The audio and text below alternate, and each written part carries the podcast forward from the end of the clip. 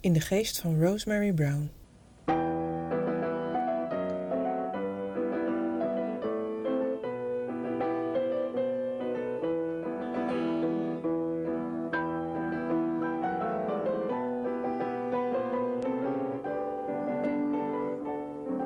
De Britse Rosemary Brown kreeg honderden muziekstukken paranormaal doorgegeven door overleden grootheden als Beethoven, Liszt, Brahms en Stravinsky. In deze podcastserie praat ik, schrijver Vrouwtje Tuinman, met muzici, wetenschappers en Rosemary Brown's familie. We bekijken en beluisteren een hoe dan ook geïnspireerd oeuvre. Aflevering 5. Vormen van inspiratie.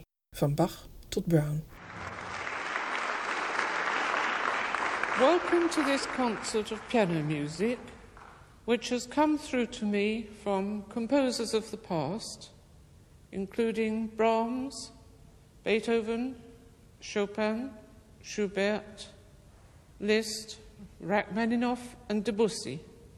The composers and their colleagues working with them in the beyond see the world as being in danger of becoming spiritually bankrupt. For this reason, the composers seek to transcend the psychic aspect and build a contact of significantly spiritual quality. Dit vertelde Rosemary Brown in januari 81 in de Londense Wigmore Hall. Haar muziek werd daar uitgevoerd door pianist Timothy Carey. In deze periode had Brown het grote geluk dat haar composities internationaal geregeld werden gespeeld. Dat was des te meer een zegen, omdat ze de muziek weliswaar gedicteerd kreeg, maar naar eigen zeggen niet in haar hoofd hoorde klinken. Daarmee is ze zeer uitzonderlijk, ook onder mediums, vertelt Melvin Willin, specialist op het gebied van muziek en paranormaliteit. That it sort of she it didn't come to her as such. She she was dictated to Yeah. by the composers. So she, she didn't have a piece of music that came into her head like a lot of Yeah. people. A lot Yeah. of the mediums I investigated, the music came Yeah. into their head and they wrote it down.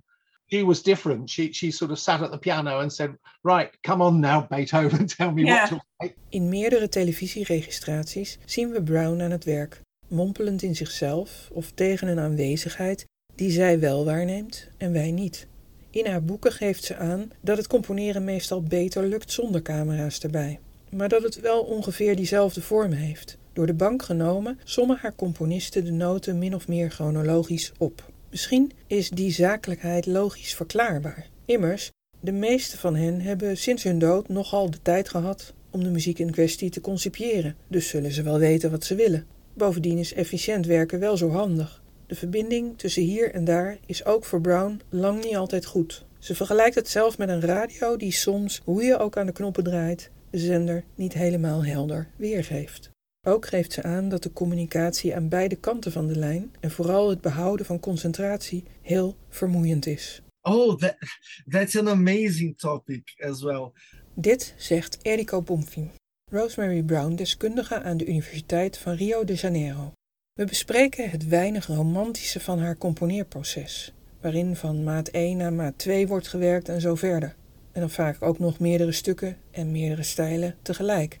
Als de ene componist wegvalt en ze zelf de deur nog niet uit hoeft, gaat Brown naadloos door met de volgende. Bomfim haalt het boek The Musical Mind aan van John Sloboda. Die heeft uitgebreid studie gedaan naar hoe componisten werken. Het is volgens Sloboda een misverstand dat muziek alleen maar uit inspiratie voortkomt. Ook Mozart kreeg zijn werken niet kant-en-klaar aangeleverd. Manuscripten laten zien dat er eerst een basisidee was.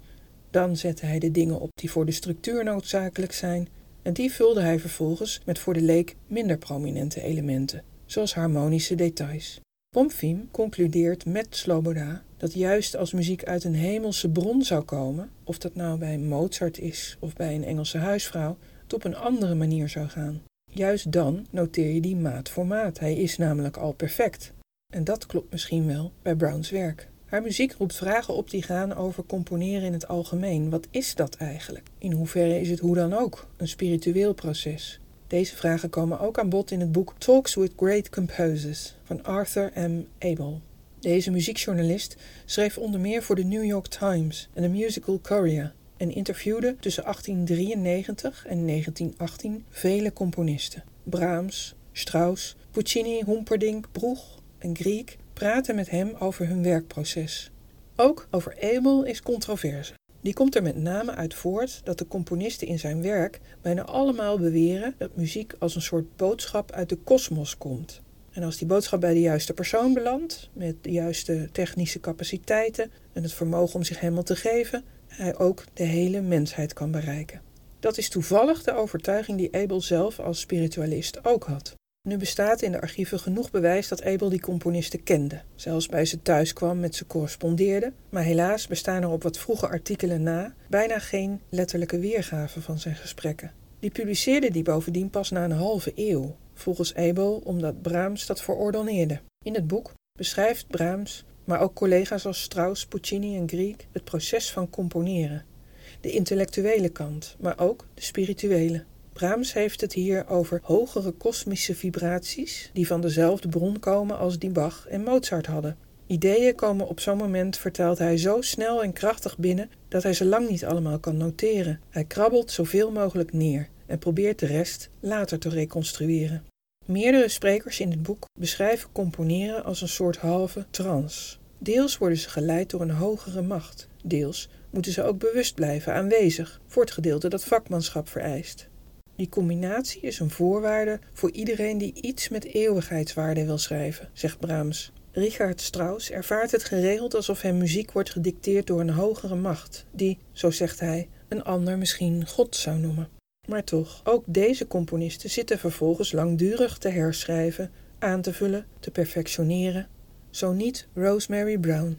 Er zijn wel meerdere versies van muziekstukken waarin details verbeterd worden, maar de basis is altijd een lineair proces, waarin akkoorden van onder naar boven genoteerd worden en de muziek van maat 1 naar maat 2 ontstaat. En zo verder. She, she would get a, a pencil and start writing the music measure by measure uh, in a continuous flow, which is precisely what uh, Sloboda says that we would expect from a, a, a, dictation process from some, some source. Ian Parrott's muzikologische studie naar Browns werk suggereert iets vergelijkbaars. Alle getuigenissen van buitenstaanders over hoe Brown werkt laten hetzelfde zien. Her compositional process seems consistent with the um, spiritualist hypothesis, with her claims that the, the musical had already been uh, composed, the music was already finished, and she was simply notating. Muzikoloog Melvin Willin deed veel onderzoek naar muziek en het paranormale. Hij sprak daarvoor ook componisten en muzici over hun werkproces. Onder meer John Tavener en John Lill vertelden hem hoe muziek bij hen ontstaat. So where do you believe your musical inspiration comes? Is it inside of you or outside? I, I think it's possibly a mixture. Kind of, we half understand the internal bit. We can say, oh, the brain's doing this and behavioral things do this Yeah. and blah, blah, blah.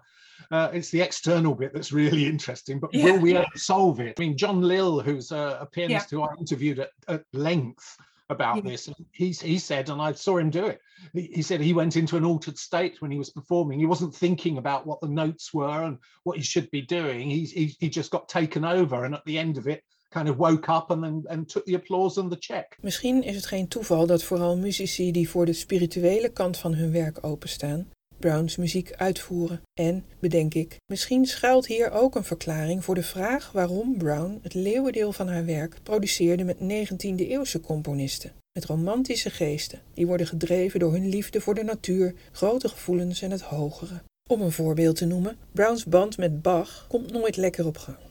Hij trekt haar matige pianospel niet en dicteert als een machine zijn muziek. Ze schrijft: Ik heb een ongelooflijke bewondering en eerbied voor hem, maar er blijft een zekere afstand tussen ons. Ik heb ook steeds het gevoel of hij mij een muziekles geeft. Hij houdt er niet van als ik aan de piano zit en geeft er de voorkeur aan om de noten op te noemen. Toch laat ze zich inspireren door Bach tot onder meer een aantal preludes en fuga's. Opvallend is dat geen daarvan gepubliceerd is, terwijl talloze andere werken uitkwamen in pianoboeken voor zowel kinderen als volwassenen, vaak met titels als Music from Other Spheres.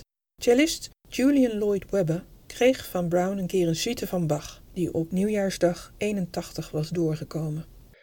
my father, you know, who was a very brilliant musician and also a very intuitive person, he thought that she definitely was genuine, but he likened her work as a composer to someone who was receiving something like on a phone call, but the lines were crossed. And I can't, I mean, I can't look at that Bach suite and think that it's anything near the quality of six Bach suites that we already know.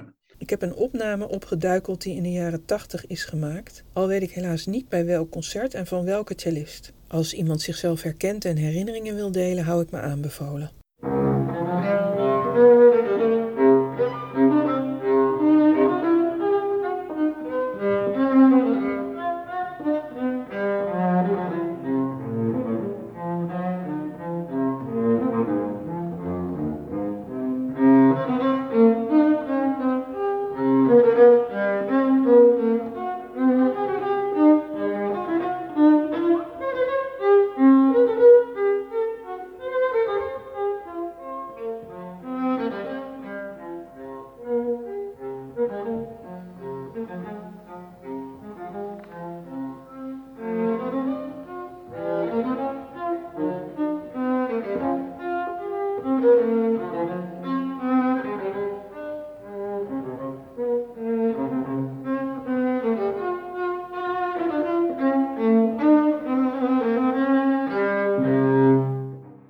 Cello-sonate is een uitzondering in een oeuvre dat grotendeels voor piano geschreven is. Het enige instrument dat Rosemary Brown beheerste. In haar boeken geeft ze zelf ook aan dat haar werk voor strijkers en blazers pas in een beginstadium is. Een paranormale bron waarbij dat voor haar goed voelt, is Brahms. Hij heeft bijzonder veel geduld, schrijft ze, en kan het contact ook lang volhouden. Een van de werken die uit deze inspiratie voort is gekomen is een strijkkwartet. Het is voor Tom Brown het favoriete werk van zijn moeder. Hij zoekt het voor me op op een cassette die hij opnam van de radio. So her piano playing rather quickly dropped out.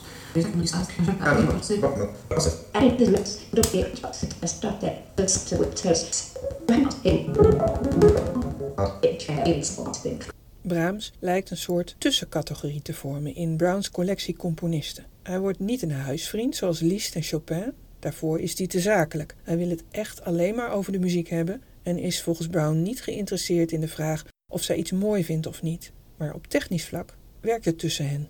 Tom heeft het fragment gevonden. As an example of her work for instruments other than piano, she did give me part of a movement for string quartet dictated to her by Brahms on the 9th of June 1969.